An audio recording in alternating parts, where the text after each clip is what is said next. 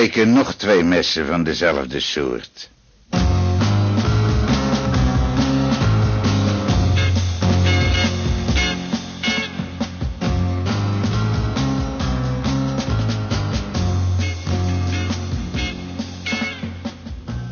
Dat zei Ruigen zonder een spier van zijn gezicht te vertrekken. Eén kon ik er aftrekken. Daarmee was de medische student om zeep gebracht. Dan bleef er nog één over. Maar voor wie? Ik zou toch graag willen weten wie het gedaan heeft. Het kan wel een of andere loslopende gek zijn. Nou, zo gek was hij anders helemaal niet. Hij had verstand genoeg om zich tussen de dubbele deuren van de kamer van de baas te verbergen... en beide deuren op slot te doen toen ik hem achterna wilde. Werkelijk? Werkelijk. Althans, zo denkt de commissaris erover. Het is ook de enige mogelijkheid. Anders zou ik hem tegen hebben moeten komen, want ik ben meteen de gang opgerend. Het kan alleen maar iemand uit het huis zijn. Iemand anders zou toch nooit aan die messen hebben kunnen komen. Hij, hij moet het precies geweten hebben. Maar wie? Ik weet het niet. De commissaris zal er uh, zwaar werk aan hebben. Heeft hij u ook naar de wilde gevraagd? Ik vertrok geen spier. Mijn dode student. Steeds weer dook zijn naam op. Wat wist Ruigen? Wat moest ik doen? Hem het hele verhaal vertellen? Nee, ik had het de commissaris beloofd. Zelfs mijn assistent had ik het niet verteld, hoewel zij... Nou ja, in ieder geval had haar foto op de wilde bureau gestaan toen ik hem vond. Maar misschien kon ik wat wijzer worden. De wilde had toch als werkstudent in het ziekenhuis gewerkt? Ruigen moest hem gekend hebben. Waar denkt u zo diep over na? De wilde? Nee, wie is dat? Niemand van betekenis. Een werkstudent die in vakantie van afgelopen zomer stage bij ons gelopen heeft. Ah. Wat denkt de politie hem? Geen flauw idee. Hij zag er niet bepaald als een messentrekker uit. Hij, hij was een beetje verkikkerd op Evelientje. Uw lieve assistente. Oh, zat hij achter haar aan?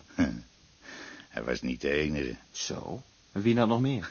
U, u dacht toch niet dat onze vereerde dokter van der Steen... daar alleen voor die röntgenfoto's zo vaak loopt rond te scharrelen? Er viel voor die kleine de wilde niks meer te lachen... toen Van der Steen hem een paar keer de mantel had uitgeveegd... omdat die Evelien zogenaamd van haar werk afhield. Aha, zit het zo in elkaar? Ja, zo zit het in elkaar. En uh, als u nog vriendelijker tegen dat meisje doet, dokter... zal het u net zo vergaan. Let op mijn woorden.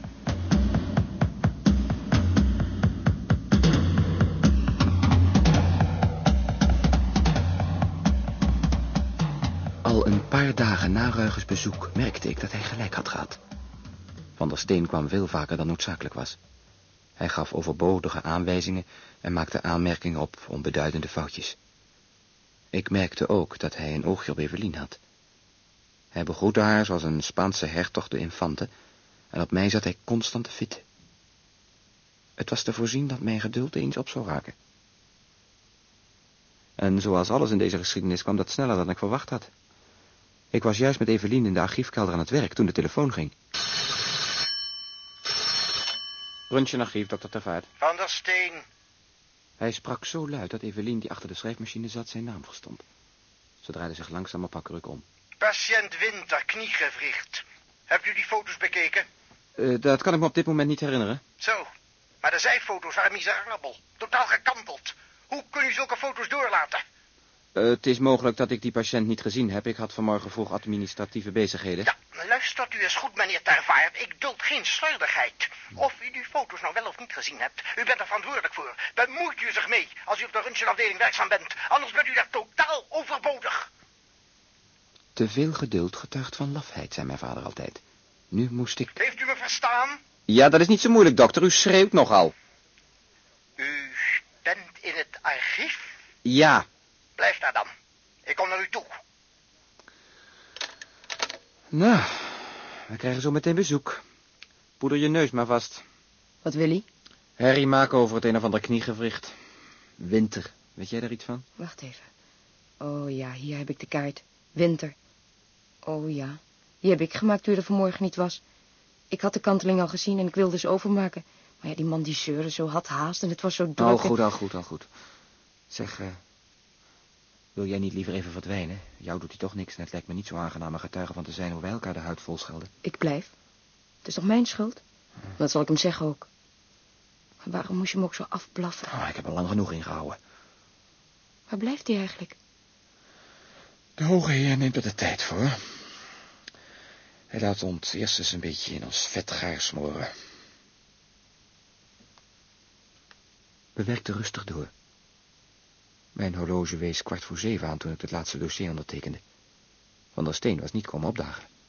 Eigenlijk wel brutaal. Ik ga naar boven, ik ga naar hem toe. Ga jij maar vast naar huis. Ik wil hem vertellen dat ik die foto's gemaakt heb.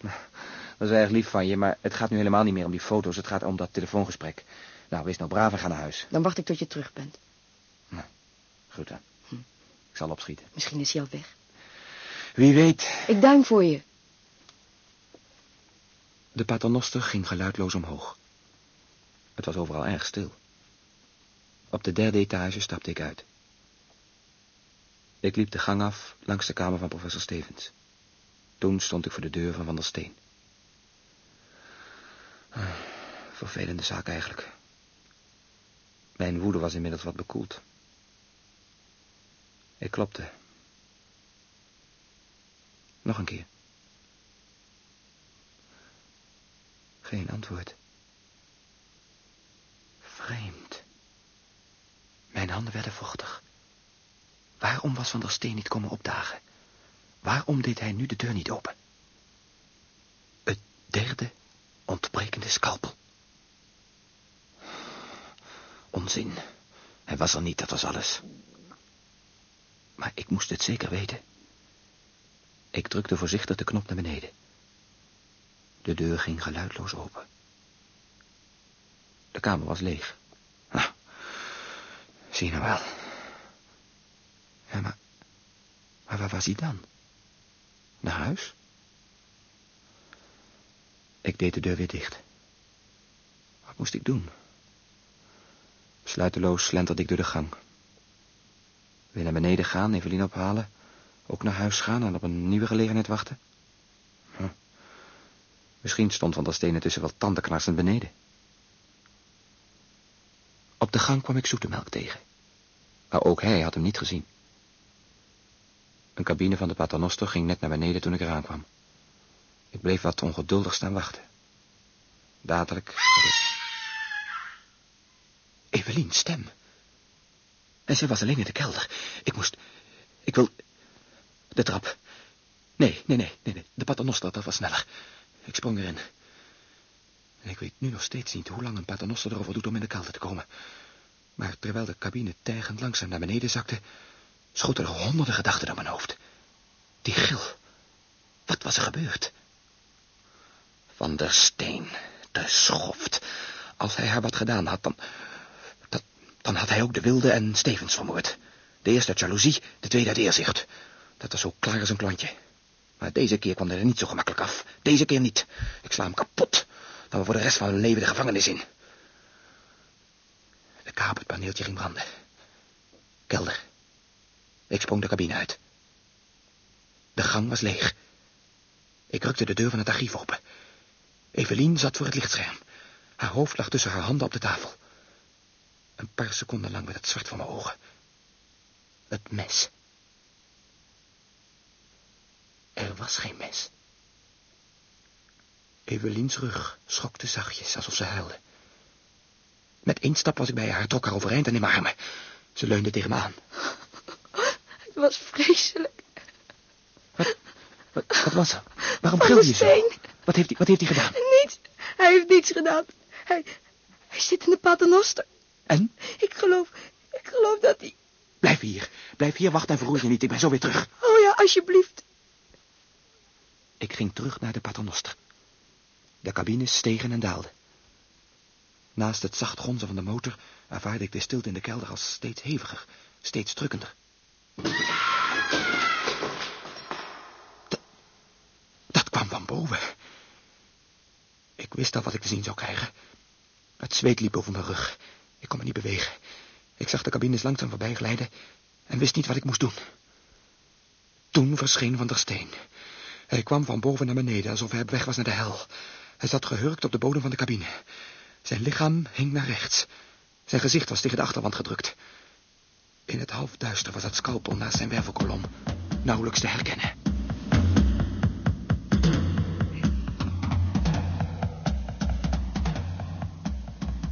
Van der Steen. Ik zag hem voorbij glijden en verdwijnen. Hem had ik voor de moordenaar gehouden. Hem had ik twee moorden in de schoenen geschoven. Uit jaloezie, uit woede. En nu lag hij daar. Het scalpel in de rug. De derde dode. Toen ik weer helder kon denken, was het eerste wat ik zag de rode knop drukken in geval van nood. Ik wachtte tot de cabine weer voorbij kwam en drukte. Hij kwam direct tot stilstand. Meteen daarop kwamen er van alle kanten mensen aangerend. Ik zei hen dat ik meteen de politie zou bellen en verzocht ze vooral niets aan te raken. Ik ging terug naar het archief. Evelien zat er nog precies zo als toen ik haar verlaten had. Toen ik dichterbij kwam, hief ze haar hoofd op. Ze huilde niet meer. Is hij dood? Ja. Hij is dood. Ik begrijp er niets van. Wie doet nou zoiets? Waarom toch? Neutenbooms nummer wist ik intussen al uit mijn hoofd. Neutenboom. Met ter vaart, commissaris. Ah. Er is er weer een. Dokter van der Steen. In de paternoster. Scalpel. Inderdaad. Ik kom eraan. Wat zegt hij? Hij komt. We moeten wachten.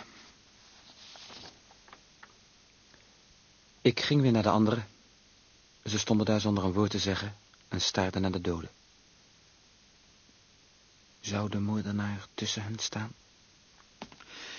Wie heeft hem gevonden?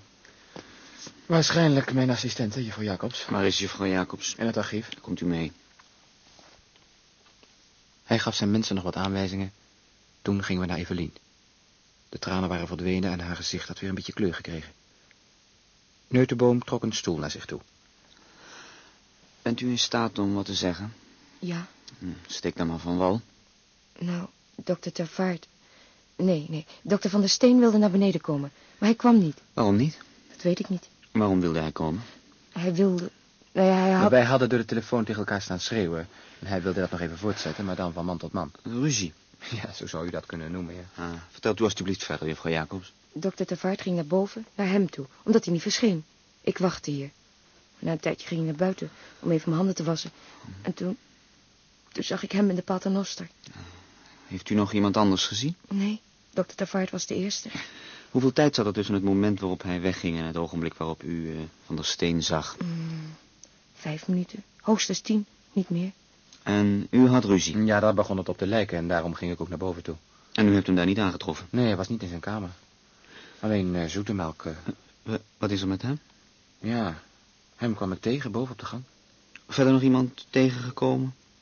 Er liepen nog wat eh, verpleegsters en wat patiënten, maar... Ja, ik, ik heb er verder niet op gelet wie. En toen bent u weer naar beneden gegaan. Zonder omweg? Ja, ik hoorde juffrouw Jacob schillen en toen dacht ik... Wie waren er eigenlijk allemaal eh, op de hoogte van het feit dat u zich de 17e om drie uur aan professor Stevens ging eh, voorstellen? De professor. Ja, ja, ja. Wacht eens even, daar moet ik eens even over nadenken. Ruiger zei me dat de baas terug was. Juffrouw Jacobs heeft dat gehoord. En toen... eh, Toen kwam Van der Steen binnen. Inderdaad, ja, ja, met twee collega's. Hij wilde... Was dokter Zoetemelk daarbij? Ja, die was er ook bij. En wie, wie was die tweede? Die ken ik niet. Een co-assistent. Ik kan hem ook alleen maar van zien. Hoe die heet, ik weet het niet eens. Mooi, mooi. En terug naar professor Stevens. Hoe kwam u ertoe over uw bezoek aan hem te spreken? En Van der Steen vroeg me of ik al bij de baas was geweest... en toen heb ik hem verteld dat ik om drie uur een afspraak had. Mhm, Wie wist dat nog meer? Dokter Lans, hem heb ik het gezegd... omdat hij voor drie uur een eh, vergadering belegd had. Eh, nog iemand anders? Mm, nee. Nee, nee, nee, ik geloof van niet. Hebt u met iemand over eh, dokter Tervaarts afspraak gesproken? Nee, waarom zou ik? Hm, goed. Goed, blijft u beiden hier totdat ik terugkom. Hm, Ik moet mij even met de andere dames en heren bezighouden. Ik haalde mijn sigaret uit mijn zak. We staken er een op, hoewel het in het archief verboden is te roken. Langzaam loste de spanning binnenin me zich op. Ook Evelien maakte een rustiger indruk. Wat heeft dit allemaal te betekenen? Wat is hier toch aan de hand? Ik... Ik weet het niet, Evelien. Ik probeer erachter te komen, maar ik weet het niet. Iemand in dit huis heeft iets tegen chirurgen. Deze figuur heeft zowel Stevens als Van der Steen om zeep gebracht. Alleen God weet waarom. En iedere keer zit ik er tot over mijn oren in. Zeg, weet je wat ik eerst dacht? Nee? Ik dacht dat Van der Steen toch naar beneden was gegaan en jou iets had gedaan. Ja, ik dacht dat hij de moordenaar was. Ik dacht dat hij Stevens neergestoken had om zelf geneesheer directeur te worden. En nu jou, omdat jij hem niet mocht. Ja, je gaf ook zo'n verschrikkelijke gil. Door de liftkoker klonk het nog afschuwelijker. Ik was zo geschrokken. Zo vreselijk geschrokken. Ik, ik dacht dat hij uit zou stappen. Ik wilde wat tegen hem zeggen. En toen, toen gleed hij verder. Nou, kom, het is voorbij. Mijn eerste gedachte was... Ja, ik weet het. Dat, dat zou ik toch ook gedacht hebben. Oh, begrijp me alsjeblieft. Die woordenwisseling door de telefoon, zo voortdurend gefit. En jij ging naar boven. Vlak erop kwam hij. Ik begrijp het. Het was mijn eerste gedachte. Ik was zo bang om jou. Nou, ik zou hem ook vermoord hebben als hij jou iets had gedaan. Dus je kunt me er wel toe in staat achten. Veel mensen blijken moordenaars te zijn die er nu toe in staat acht. Dat zullen we nog wel merken. Ben je niet boos op me? De verste vechten niet. Ik ben alleen wel blij dat ik hem niet hoefde te vermoorden. Er schiet me ineens wat te binnen. En dat is? Geloof jij dat... dat de wilde is teruggekomen? Wie? De wilde. Maar ze hebben steeds erg onaardig tegen hem gedaan. Van der Steen en Stevens ook. Hij was zo hulpeloos en onhandig. Ze zaten hem steeds dwars. Ik ben zo bang dat als hij teruggekomen is... Nee, hij dat misschien... kan niet. Hij kan niet teruggekomen zijn, dat is onmogelijk. Hoe kan je dat nou weten? Ik ken hem veel beter dan jij. Hij was zo jong en zat zo vol complexen. En hij had een motief om beide heren om zeep te helpen. Als iemand een reden heeft, is hij het wel. Ik keek haar aan en overlegde bij mezelf. Ik had Neutenboom beloofd niets over de moord op de wilde te vertellen. Aan niemand. Ook aan Evelien niet. Zou zij haar mond kunnen houden? Nou, ze zag er nou niet wat je noemt bepaald loslippig uit. En daarbij zou ze dan niet meer bang hoeven te zijn voor iemand die al lang dood was. Wat zit je te peinzen? Als jij me belooft er met niemand over te praten, zal ik jou vertellen wat er met de wilde gebeurd is. Waarom zou ik er met iemand Beloof over- je het? Ja, natuurlijk beloof ik het. Goed dan, maar schrik niet. Je hebt voor vandaag je portie wel gehad. Toen nou, wat is er dan met hem? De wilde is dood. Nee, Ja, dat was hij al toen ik hem voor de eerste keer zag. Hij werd op zijn kamer, de kamer die ik nu bewoon, en waar ook jouw foto stond, neergestoken met een scalpel. is dat... Is dat waar? Dat is waar. Neutenboom heeft ook die zaak in handen. Dus de wilde kan die twee niet vermoord hebben. Hij ook? Lieve God. Wie doet er nou zoiets? En dat Ik- weet niemand, nog niet. Zeker is alleen dat die drie moorden iets met elkaar te maken hebben. Er moet een bepaald motief zijn. Dat kan gewoon niet anders. Kijk, als je het motief kent, dan weet je ook wie de moordenaar is. En het doet je helemaal niets dat je daar woont? Ik was nieuwsgierig en blij om zo snel een geschikte kamer te vinden. Dat is alles. En toen ik jou zag, wilde ik natuurlijk ook weten wat jouw foto ermee te maken had. Maar eh, dat is niet de enige reden waarom ik jou daar heb uitgenodigd. Ik ben nooit eerder op die kamer geweest. Anders zou ik ook nooit meer teruggegaan zijn. Ook niet naar jou. Dat weet ik. Maar... Maar nu kom je vaker? Of niet? Ja.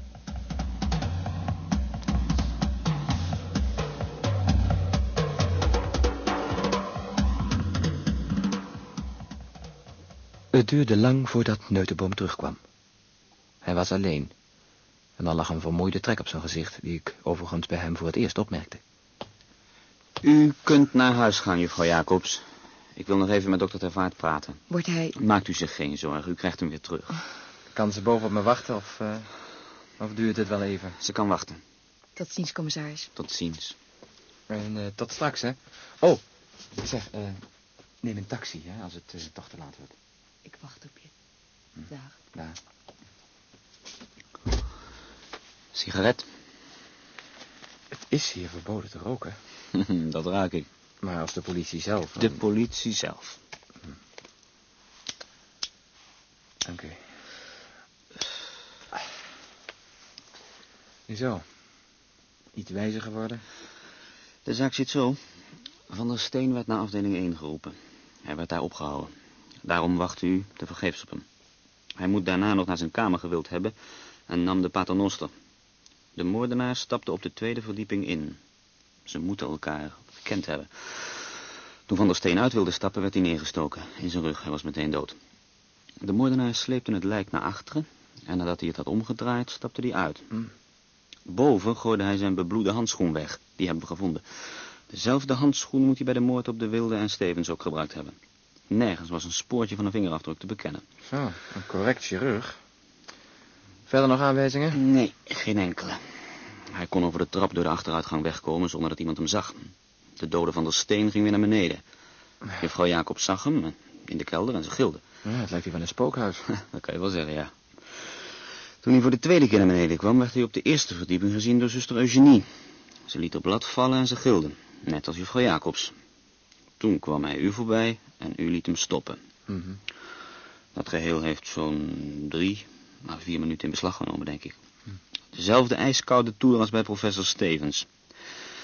De moordenaar zag zijn kans schoon en hij benutte hem. Ja, het is waarschijnlijk dat hij sowieso naar Van der Steens kamer op weg was. Maar de kans in de lift scheen hem gunstiger. Hij hoefde nou niet bang te zijn dat hij door iemand gezien zou worden. Bovendien is het louter toeval dat juffrouw Jacobs de dode zo gauw ontdekte. Het was rustig in huis. De paternoster bestond daarbij uit twaalf cabines. De kans dat iemand juist die cabine zou pakken was 1 op 11. Ja. Hij zou de hele nacht in hebben kunnen blijven zitten. Ja, ja. En toch weer vlak in mijn buurt, hè? Het moet gebeurd zijn toen ik voor zijn kamer stond te wachten. Ja. Het is niet gemakkelijk voor u om mij nog vrij rond te laten lopen, lijkt me. Ah, dat is makkelijker dan u denkt. Oh. Zoals altijd hangt alles af van het motief. In het uiterste geval zou u er één kunnen hebben. Verder is het duidelijk dat onze moordenaar iemand is die hier uitstekend de weg weet. Dat kunnen we toch van u niet zeggen. Nou, dat is zeer geruststellend. Ah, deze hele geschiedenis begint ergens in het verleden. Konden we maar achter het motief komen. U kende een van de heren niet toevallig van vroeger? Nee. Commissaris, u gelooft ondertussen toch ook dat die drie moorden iets met elkaar te maken hebben? Och, absoluut. Ook het scalpel waarmee de wilde vermoord werd is van hier afkomstig. De moord op hem was die met het minste risico. De moordenaar moest naar hem toe gaan omdat hij hier niet meer werkte. Dat is het hele verschil. Eh, verder heeft u geen aanknopingspunten. Nee, nee. Ik, ik heb iedereen die, die ook maar enigszins in de buurt was onder de loep genomen. Van der Steen was het meest verdacht. Ja, ja. Hij had veel voordeel bij Stevens dood. Maar De Ja. wilde, de wilde. Die zou hier heel veel ruzie gehad hebben. Bah, hij had met iedereen ruzie. Hm, En nu is hij dood. Als iemand hem daarom om zeep heeft gebracht, oh, goed. Maar de student en de professor, waarom zij? Geen idee. Alle moordenaars waar ik tot nu toe achteraan gezeten heb, hadden een voor de hand liggend motief. Maar hier, bah, wat moet dat hier zijn? En wie moet ik opsluiten? Ja. U? Hm? Zoete melk? of eh, uw Evelien? Nou, dat laatste liever niet. Waarom niet? Zij heeft er absoluut niets mee te maken. Meisjes die men graag ziet, hebben er nooit iets mee te maken.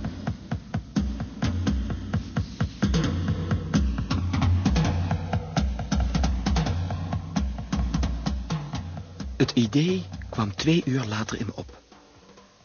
De wilde, Stevens, van der Steen. Wat hadden ze met elkaar te maken? Op dit moment dat ze dood waren. Maar vroeger. Ze hebben gezamenlijk gewerkt. Gezamenlijk gewerkt. De gedachte trof me als een donderslag. Als er ergens een relatie tussen hen bestond, dan lag die in het gemeenschappelijk werk. En nergens ter wereld werd zo nauw samengewerkt als aan de operatietafel. Als ze nou eens samen geopereerd hadden. Ja, het kwam niet vaak voor dat een werkstudent mocht assisteren als de baas en de eerste chirurg opereerde, maar het kwam voor. Als er eens iets misgegaan was. Steeds vaster nestelde deze gedachte zich in mijn hersens. Een zeer wankele constructie, maar het was in ieder geval het nazoeken waard. Ik wist wat me de volgende ochtend te doen stond.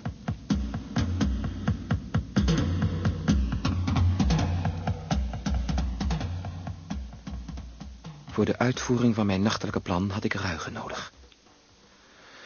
Maar uitgerekend vandaag had ruigen vrij. Dat was vervelend, maar niks aan te doen. Tot morgen wachten wilde ik niet. Voorlopig kon hoofdzuster Geertruida me misschien ook helpen. De hoofdzuster stond in een hoek van de operatiekamer. Ze vulde juist een sterilisatieketel met glanzende instrumenten. Zuster Geertruida. Oh, u laat me schrikken. Hoe dat zo? Ik, ik was in gedachten. Oh, het spijt me. Ik ben dokter Tervaart van de röntgenafdeling. U heeft vast al van me gehoord. Ja, natuurlijk. U hebt toch... Oh, wat vreselijk. Ja, dat is het inderdaad. Uh, heeft, uh, heeft dokter Van der Steen nog lang geleefd? Heeft hij nog uh, iets gezegd? Wat moet hij gezegd hebben? Nou, ik, ik bedoel alleen... Hij was al dood. Verschrikkelijk. Zestien jaar werk ik hier al, maar zoiets... Nee, dat heb ik nog nooit meegemaakt. Zoiets gebeurt ook niet elke dag. Hm, nee, gelukkig niet. Uh, zuster Gitruida, ik zocht eigenlijk meneer Ruigen. U heeft vandaag een vrije dag. Kan ik u helpen? Ja, misschien kunt u me wel helpen. Ik moet namelijk een paar operatierapporten doorkijken. Kan ik die van u krijgen? Die kunt u alleen van mij krijgen. Meneer Ruigen heeft daar niets mee te maken. Oh, neemt u me niet kwalijk dan. Nou dan ben ik dus meteen aan het goede adres. Ik heb een paar galblaasoperaties nodig die van tevoren geröntgend zijn. Kan ik, kan ik er wat uitzoeken? Als u een ogenblik tijd heeft, moet dit eerst afmaken. Natuurlijk, gaat uw gang. Duurt maar een paar minuten. Toen Geertruida klaar was, liep ik achter haar aan de gang op. Tot we bij een kamer kwamen die als kantoor was ingericht en vol archiefkasten stond. Hier zijn de doorslagen. Maar alleen van de operaties. De ziektegeschiedenis heeft juffrouw Meesters, de secretaresse van de baas. Oh. Ja, uh, van, van, welke periode heeft u ze nodig? Oh, dat maakt niets uit. Uh, geeft u ze maar van het afgelopen jaar, laten we zeggen uh, augustus tot oktober. Dat is voldoende. U kunt hier zo lang blijven als u wilt. U moet dan alleen de sleutel bij de nachtportier afgeven. Doe ik. En hartelijk dank, zuster. Ik zal u in mijn gebeden herdenken. Dokter, u moet me niet voor de gek houden. Dat was ook niet de bedoeling. Goedenavond, zuster. Ze knikte als groot en verdween. De rapporten in het archief waren per kwartaal geordend en per maand onderverdeeld. Ik pakte de maand augustus en ging daarmee naar de kleine tafel bij het venster. Augustus, september, oktober. In die maanden moest de wilde hier gewerkt hebben. Zou ik vinden wat ik zocht? De doorslagen waren in alfabetische volgorde gerangschikt. Bovenaan stonden de personalia van de patiënt, daaronder de diagnose. Daarna kwam het rapport. Onderaan was nog plaats voor het sectierapport. Deze laatste ruimte was niet in alle gevallen ingevuld. Gelukkig voor de chirurgen. Hun naam stond rechtsboven in een kader. Erg praktisch. Het vereenvoudigde mijn werk aanzienlijk. De tijd verstreek. Ik moest ophouden. De naam De Wilde was ik niet tegengekomen. Als ze de namen van de studenten niet genoteerd hadden, dan zat ik hier mijn tijd te verdoen. Maar ja, ik moest het weten. S'avonds haalde ik september uit de bak en bladerde verder. Papier ritselde onder mijn vingers. Niets dan operaties, anatomie, hechtingen, narcoses, verband. Nauwelijks te geloven wat er aan een mens allemaal open en weg te snijden valt. Mijn geestdrift was al aardig geminiseerd toen er onverwachts een opleving kwam. Op 13 september verscheen er een medisch student in het rapport. Maar hij heette Meijer en niet de Wilde. In ieder geval een vooruitgang. De werkstudenten werden dus ook genoteerd. Nou, dan kon de Wilde ook nog komen. En dat deed hij dan ook. Op 21 september. Chirurg dokter Van der Steen, assistent medisch student de Wilde, narcotiseur dokter Nauk. De patiënt had een maagzweer, alles was soepel verlopen. De ruimte voor het sectierapport was leeg. Maagzweren zijn lastig, maar zelden dodelijk. Ik was klaar wakker. Langzaam zocht ik verder. Pas toen een tochtstroom langs mijn benen streek, merkte ik dat de deur was opengegaan. Zuster Geertruida stond op de drempel. Nog steeds aan het werk? Nog steeds aan het werk. Ik, uh, Ik wilde alleen even kijken of alles in orde was. Vergeet u niet als u weggaat goed af te sluiten. Ik zal uw woorden in mijn hart bewaren, zuster. Goed. Wat rusten, dokter. De deur viel in het slot. Merkwaardig. Was het wel zo merkwaardig? Ach, onzin. Ik stak een sigaret op en zocht verder. De wildes naam dook nog twee keer op. Iedere keer bij kleinere operaties. Toen had ik ook september doorgewerkt. Bij oktober liet mijn aandacht weer veel te wensen over. Mijn ogen begonnen te tranen en ik moest een kaart vaak twee keer lezen omdat ik niet meer opnam wat erop stond. Toen werd ik opeens klaar wakker. Op 19 oktober stonden alle drie de namen onder elkaar. Stevens, Van der Steen, De Wilde. Ik trok de kaart eruit en vouwde het rapport open. Karel de Haan, geboren 6-3-1903 te Helmond. Adres, diagnose. Niets bijzonders. Soepel operatieverloop. Geen aanwijzingen dat de man gestorven was of dat er iets anders was gebeurd. Misschien na de operatie. Maar dat moest in de ziektegeschiedenis na te gaan zijn. Ik schreef de naam en het nummer van de kaart op. Toen bladerde ik verder. Een paar minuten later had ik het tweede geval te pakken. Chirurgen, professor Stevens en dokter Van der Steen, medisch student De Wilde. Maar tussen Van der Steen en De Wilde stond nog een naam. Bonnet. Bonnet. Ik was die naam al een paar keer eerder tegengekomen, maar ik herinnerde me niemand die zo heette. Op dit blad was de ruimte voor het sectiebericht volgeschreven en in de linkerbovenhoek stond met zwarte inkt een kruis getekend. Gestorven dus. Het was een kind. Reina Wentink, geboren 14764 te Breda, adres Breda, Prins Frederiklaan nummer... Nee, het nummer ontbrak. Diagnose, bronchie-extasie, chronisch verwijde bronchiën in de rechter onderkwap. Vergevorderde ontsteking van het longweefsel. Ja, ik kende zulke gevallen. Uiteindelijk bleef er niets anders over dan de hele longkwap te verwijderen... voordat de patiënt aan een steeds maar voortdurende ettering te gronden ging. De chirurgen hadden alles op alles gezet. Tevergeefs. Onregelmatige pols, zuurstofgebrek, hartstilstand. Voorbij.